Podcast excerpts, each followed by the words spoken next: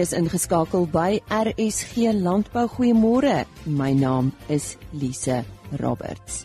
Ons gesels ver oggend met SA Stamboek oor genomika en dan het ons uh, hierdie jaar twee onderhoude uitgesaai met twee van ons wenners in 2018 en dit is die Toyota Agri SA Jongboer van die jaar en ook Wildbedryf Suid-Afrika Boer van die jaar en ons sal weer vir u hierdie onderhoude uitsaai. Wildbedryf Suid-Afrika se Wildboer van die jaar word reeds vroeg in die jaar aangewys en ons hoor nou weer van die 2017 Wildboer van die jaar. Hallo listeners, I'm Warwick Barnard en uh, ek het die VRSA Game Ranch of the Year Awards for 2017 gewen. My Afrikaans is nie te goed nie, uh, so ek gaan die meeste in Engels praat, maar ek sal probeer as ver as moontlik. Ek is 'n wildboer um, in die Oos-Kaap naby Gramstad en ek boer uh, die meeste met buffels maar verskillende uh wild spesies. Ek uh, ek woon naby Gramstad in die Oos-Kaap en ek boer met verskillende wild uh die meeste met buffels, swartvet, pense en jalas en en die verskillende common wild. The WRSA judges visited myself um, and the business Woody Cape Wildlife in February this year um, in the build up to the WRSA conference and, and awards. And they were looking for the wildlife rancher of the year for South Africa, um, which comprises of, of different components which they judge you on. And it's a very inclusive um, parameters which, which you get judged on um, and that you need to be involved in. And Woody Cape Wildlife uh, has diversified into all the different areas that the judges were looking for. And this included um, wildlife breeding at stud level of, of top quality animals, um, the hunting side, uh, bringing in international hunters as well as for local biltong hunters, we uh, we have a lodge uh, that we run our ecotourism business out of. So it's been a, a diversification within the wildlife industry, uh, but we also have diversified into other areas of agriculture, including um, cattle, both at a stud and a, and a production level. Um, so it's all those components uh, that we have available to us. Uh, but the important part was developing a, business that was sustainable um, that has been able to diversify, but also been very inclusive, inclusive of the community, uh, making sure that they have a benefit out of our our business and what we do through employment and through community projects, um, but also looking at inclusive partnerships with BE partners, uh, communities that need to do something sustainable and progressive with, with their land that's that's been a huge aim for us. So it, it all sort of worked uh, towards what the WRSA judges were looking for um, for the game ranch of the year. The research side in wildlife nutrition is very important to us and very important to the future of game farming and wildlife. So a lot of our resources are directed towards research activities um, where we're analyzing minerals and looking at really what is important to the animals and how to have them more productive and more efficient uh, going forward.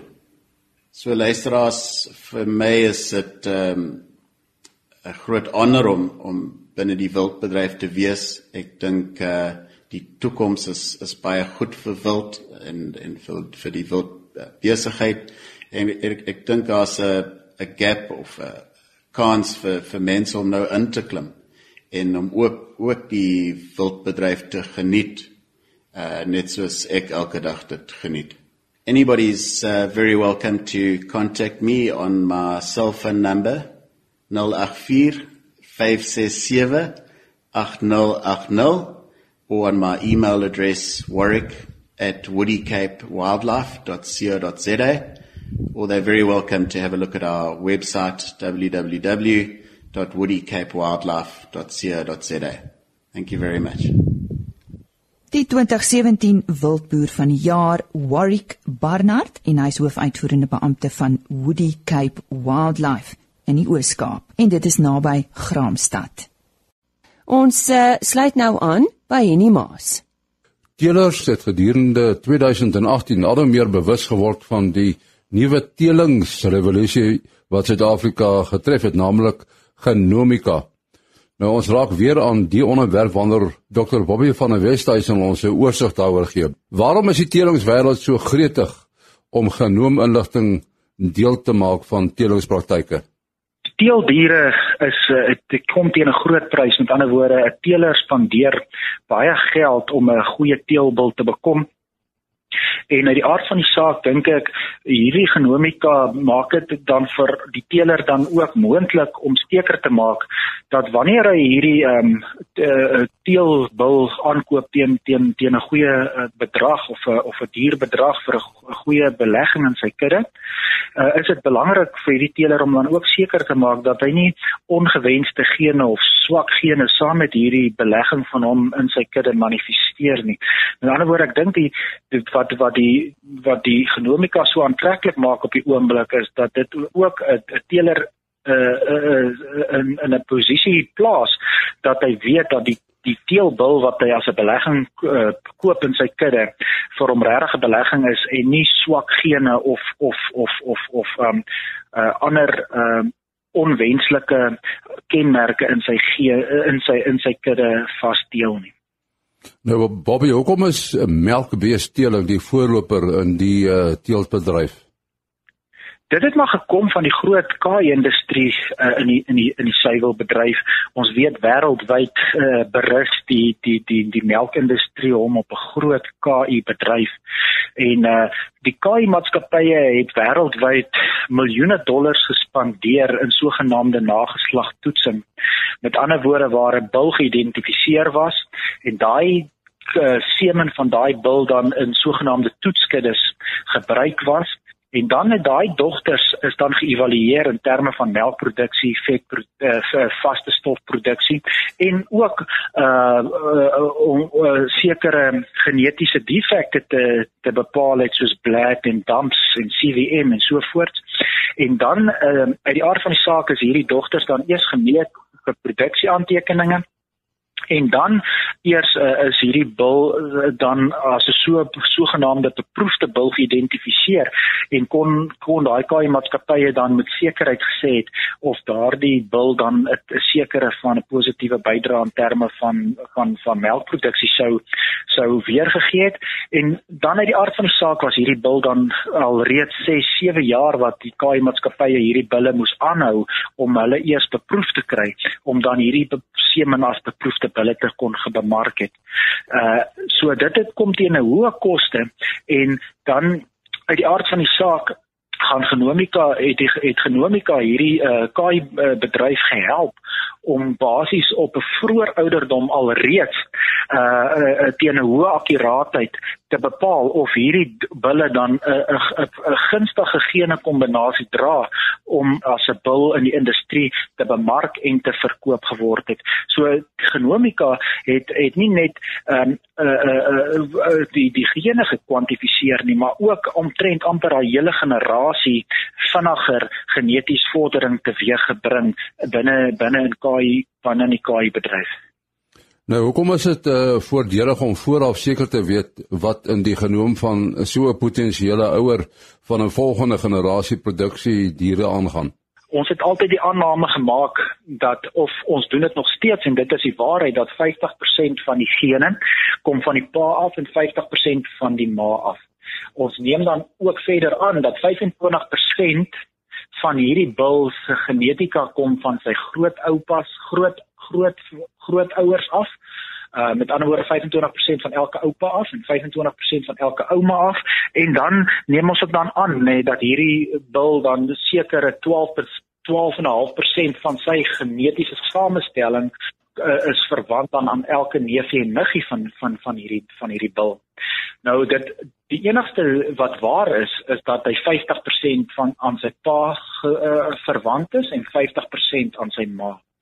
Maar omdat sy pa 50% van sy gene oordra, het is is dit luk raak van watse 50% van sy pa afkom. Met ander woorde, dis nie gegeewe dat 25% van sy oupa aan sy pa se kant hy gaan kry nie en dis ook nie gegee dat hy 25% van sy oupa van sy ma van sy pa se kant gaan kry nie. Met ander woorde, ons weet nie presies watter klein gedeeltes van die grootouers afkom nie. Al wat ons weet is 50% van die gene kom van sy pa en 50% van sy ma af. En genomika kwantifiseer dit vir ons. Met ander woorde, genomika sê vir ons hoeveel persent regtig van sy oupa en sy ouma afkom nie. Met ander woorde, as hierdie bil wat geteel is uit byvoorbeeld 'n korrektiewe paring gekom het, uh dan dan kan dit tegnies wees dat hy terugval na sy swak ouma of sy swak oupa toe aan sy pa se kant. Uh en en dit is die belangrikheid uh en en die die voordeel wat ons kry in die gebruik van genomika af, dat ons kan bepaal dat het is hierdie bil wat dalk uit 'n uit 'n uit uit 'n korrektiewe paring uitkom het. Is dit die goeie gene wat vasgelê is wat hy gaan aanpeel in die toekoms of slaan hy terug dan uit die aard van die saak na die na die swakker na die swakker ouer toe. So ek weet nie watter uh, luister wat 'n uh, luisteraar het al met kruisstelling te doen gehad nie. Die F1 is gewoonlik baie uh, uh keer uh, as jy uit hy F1 uit is dit maklik om te weet wat jy gaan kry uit die voordeel uit maar wanneer jy met daai F1 aanteel as 'n teelouer na die F2 en die F3 stadium toe dan raak dit moeilik want jy weet nie presies watse gene hy gekry het van sy oupas en oumas af waar die kruisdeling begin het nie en daar speel genomika dan 'n verskriklike belangrike rol ook om te weet watter gene watter kombinasie gene uh, hierdie dier uh, uh, uh, inherent geërf het en wat hy gaan oorerf na sy nageslag. Nou die hele kwessie van poenskop teenoor horings en ook bespiering. In hoe mate kan 'n genoom toets vooraf help met met hierdie eienskappe? Dit dit is dit is natuurlik 'n groot voordeel van 'n genomiese toets is dat die Puna toets uh genomies die genetiese toets ook saam met hierdie uitslae kom en dis baie interessant dat die Puna toets die Puna toets ehm um, die, die die al die diere het aanvanklik horings gehad en die genetiese mutasie of die die die een wat anders is is natuurlik die Puna geen en dat die Puna geen is dan ook dominant oor horings so tegnies kan jy dan 'n bil aankoop wat fisies tuna is. So as jy na die dier kyk, het hy nog nooit horings gehad nie en dan lyk dit aantreklik om daai daai bil in jou kudde te gebruik om punas dan uit daai bil te teel. Maar daai puna, omdat die puna geen uh, dominant is oor die horing geen, as jy nie hom geneties getoets het nie, dan kan jy 'n sogenaamde heterosigoot koop en 'n heterosigoot is waar 'n dier 'n draer is van horinggeen maar hy gee uiting aan die aan punas. So dan as wanneer jy daai bil in jou kudde gebruik op horingkoeie, dan tegnies kan dit wees dat jy dan 50% van die kalvers horing steel en 50% punas. So dit is dan ook uh, belangrik om wanneer jy dit uh, belangrik is vir u as teeler uh, om 'n puna te teel en jy 'n puna bil koop, seker te maak op die genetiese vlak dat jy 'n bil koop wat wat nie die horing geen dra nie, met ander woorde wat homozigoties puna is. Uh, en dan kan jy verseker wees dat die nageslag wat daai bil gaan teel fisies 'n uh, uh, puna sal lyk alhoewel van sy nageslag dan ook van sy ma se kant af uh, die horinggene kan kan dra. Ehm uh, dan maar dit is net uh, belangrik om seker te maak dat jy dan 'n uh, 'n dier koop wat homozigoties puna is. Wat dubbelbespiering aanbetref is ehm um, dubbelbespiering is 'n mutasie wat die uh, uh, myostatin 'n uh, uh, uh, proteïene uh, affekteer en dit is die myostatin proteïene stop basies uh, spier uh, binne 'n kalf. Wanneer jy die mutasie in die kudde inteel dan beïnvloed dit die werking van van um, die myostatin proteïen en kry jy dan 'n oor ontwikkeling van spier of 'n oor oorontwikkeling van spiere binne binne die dier.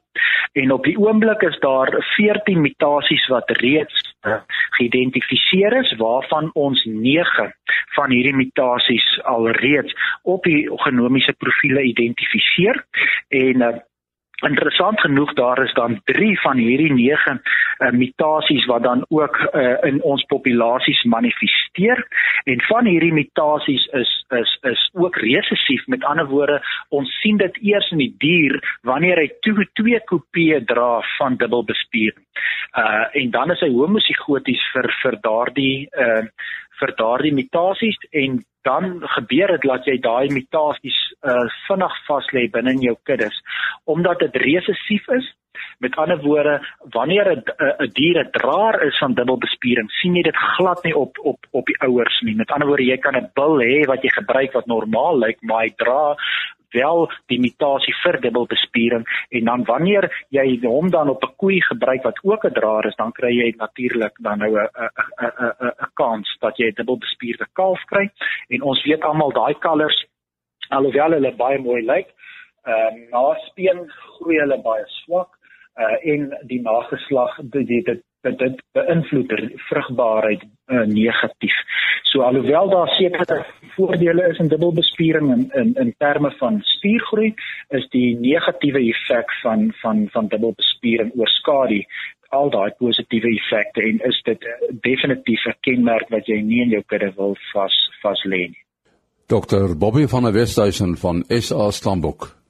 In Oktober maand word heelwat landbou wenners aangewys en op donderdag aand 18 Oktober is die 2018 Toyota Agri SA Jongboer aangewys. Dit is die 15de jaar wat die Toyota Agri SA Jongboer van die jaar aangewys is. Toyota het ook onderneem om hierdie ooreenkoms met nog 3 jaar te verleng. Die beoordelaars het 8339 km gery om al die plase te besoek om te bepaal wie vanjaar se jong boer van die jaar is. En vanjaar kom hy weer vanaf die Noordwes en sy naam is JP van der Berg.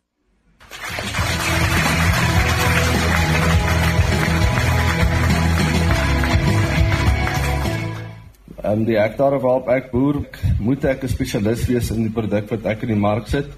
So ek gaan absoluut vir vir kwaliteit bo kwantiteit en en so dit is my beloning vir daai vir daai werk en om saam met saam met hierdie ander finaliste gesien te word is my ongelooflike groot eer.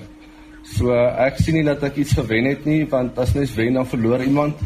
So ek het 'n toekenning ontvang waarop ek baie trots is en ek ek is baie bly ek kan ambassadeur wees vir die Noordwes en vir landbou geheel en vir my boere unie en my boere vereniging en vir my familie.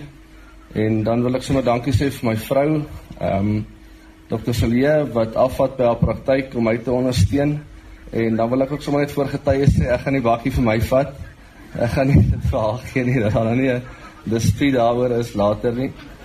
Ehm um, so ek wil net sê dat ek het 'n ek het 'n doel in die lewe gehad en dit is om om mense saam met my te verryk en dat my balans staat en die uh, hoeveel hektare en koeie wat ek het nie vir my alles is nie. Kry soms baie keer bietjie ehm um, kritiek daaroor. Maar vanaand is dit vir my 'n bevestiging dat regtig om aan ander mense te help en om nie net selfgesentreerd te wees nie en en ook uit te deel en ook en ook mense om jou te laat groei soos wat jy groei baie belangrik is. Ja.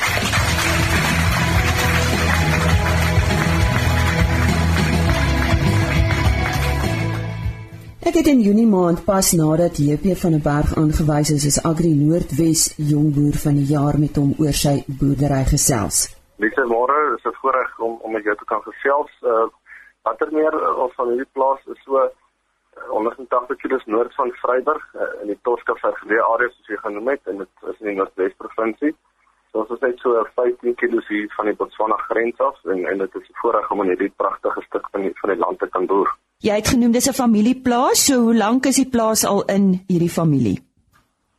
Uh, my oupa Koos het in 1943 hier die plaas aangekom. Ehm um, en uh en en sedertdien is my pa later aangesluit en nou ek is die derde geslag wat op die plaas is.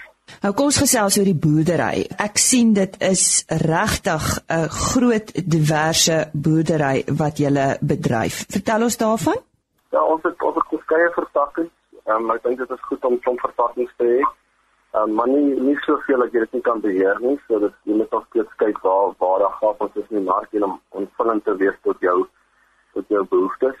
So ons hoofvertakking is definitief die saadaartappels. Ek vermeerder saad vir Westrou op Christiana en dan doen ons ook kommersiële bees en dis maar drie kruising tussen Bonsmara, Simmentaler en Bremaan en dan was ook 'n Bremaanstoet en dan na afloop van die aardappels het ek nou baie vrugbare grond oor wat ek nou moet laat rus.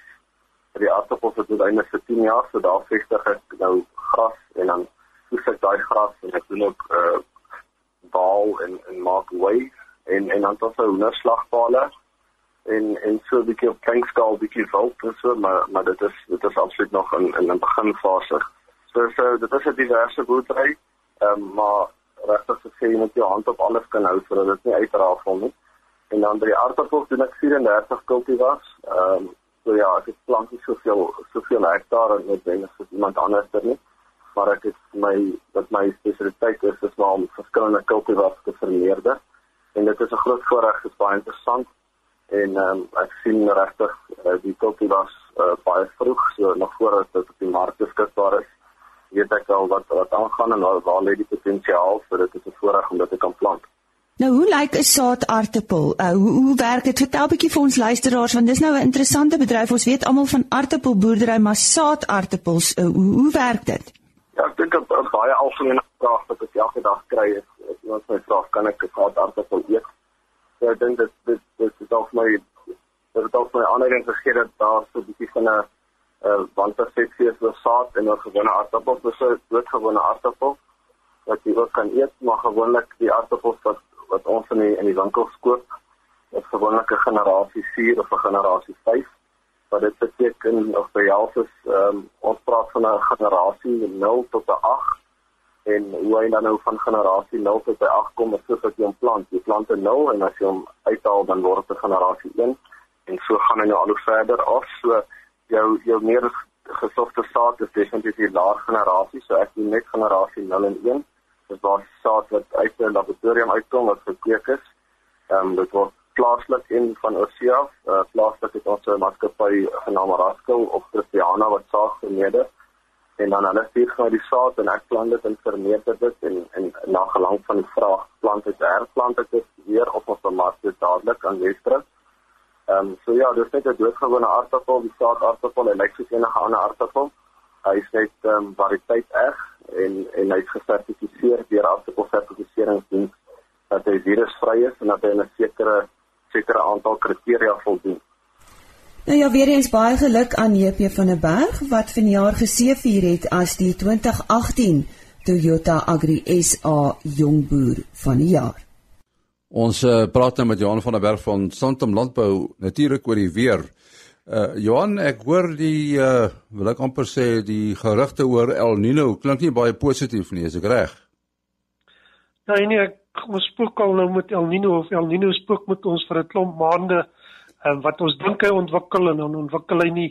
En vir die laaste 4, 5 weke het die ontwikkeling nou begin.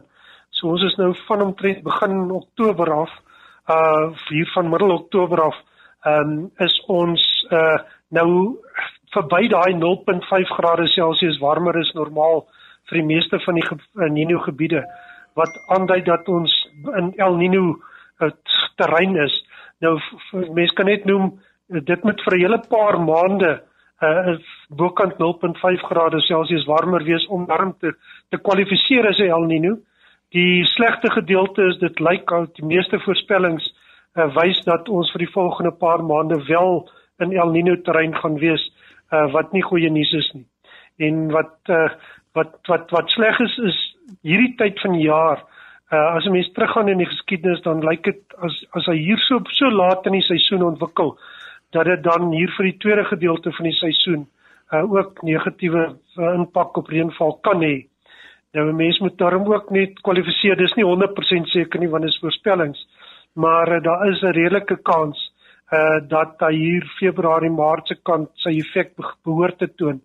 Nou uh dit kan wees dat die onthou nie dit is nie niks reën nie en dat die timing van hierdie as mens dit nou so kan noem uh, nog reg kan wees en 'n goeie jaar kan gee maar soos dit nou lyk uh, is ons 'n bietjie bietjie versigtig vir die seisoen wat voorlê ook um, sonder om te kyk na wat wat nou gebeur ook uh, want uh, op hierdie stadium weet ons dat 'n groot gedeelte van die sentrale na westelike gedeeltes van die land baie droog is. Ons kan nie ons somergewasse inkry nie en die ander krisis wat begin ontwikkel of alreeds in gebiede ergens is weidingstoestande. Ehm um, so dit lyk regtig waar op hierdie stadium nie gunstig uh nie. Ehm um, as 'n mens na die korttermyn voorspellings kyk en 'n mens is, is soms huiwerig om na dit te kyk want die laaste maand of twee het dit nie regtig gerealiseer soos wat dit moet nie, maar lyk dit tog redelik positief uh hier vir die laaste 10 dae van Desember. So ons hoop maar dat dit gaan gebeur dat dit die landboutoestande kan kan omdraai. Maar weer eens uh gegee ook die scenario of die moontlike scenario vir die tweede deel van die seisoen. Uh lyk dit ook na 'n redelike hoë risiko produksiejaar oor groot gedeeltes. Nou, uh, dit was Johan van der Berg van Santam Landbou.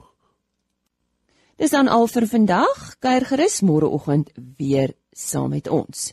Dan praat ons uh, onder andere oor skaapvoeding en wat belangrik is vir 'n goeie produksiestelsel. Tot môreoggend dan. Totsiens. RSG Landbou is 'n produksie van Plaas Media. Produksieregisseur Henny Maas. Aanbieding Lisa Roberts. En inhoudskoördineerder Jolandi Root.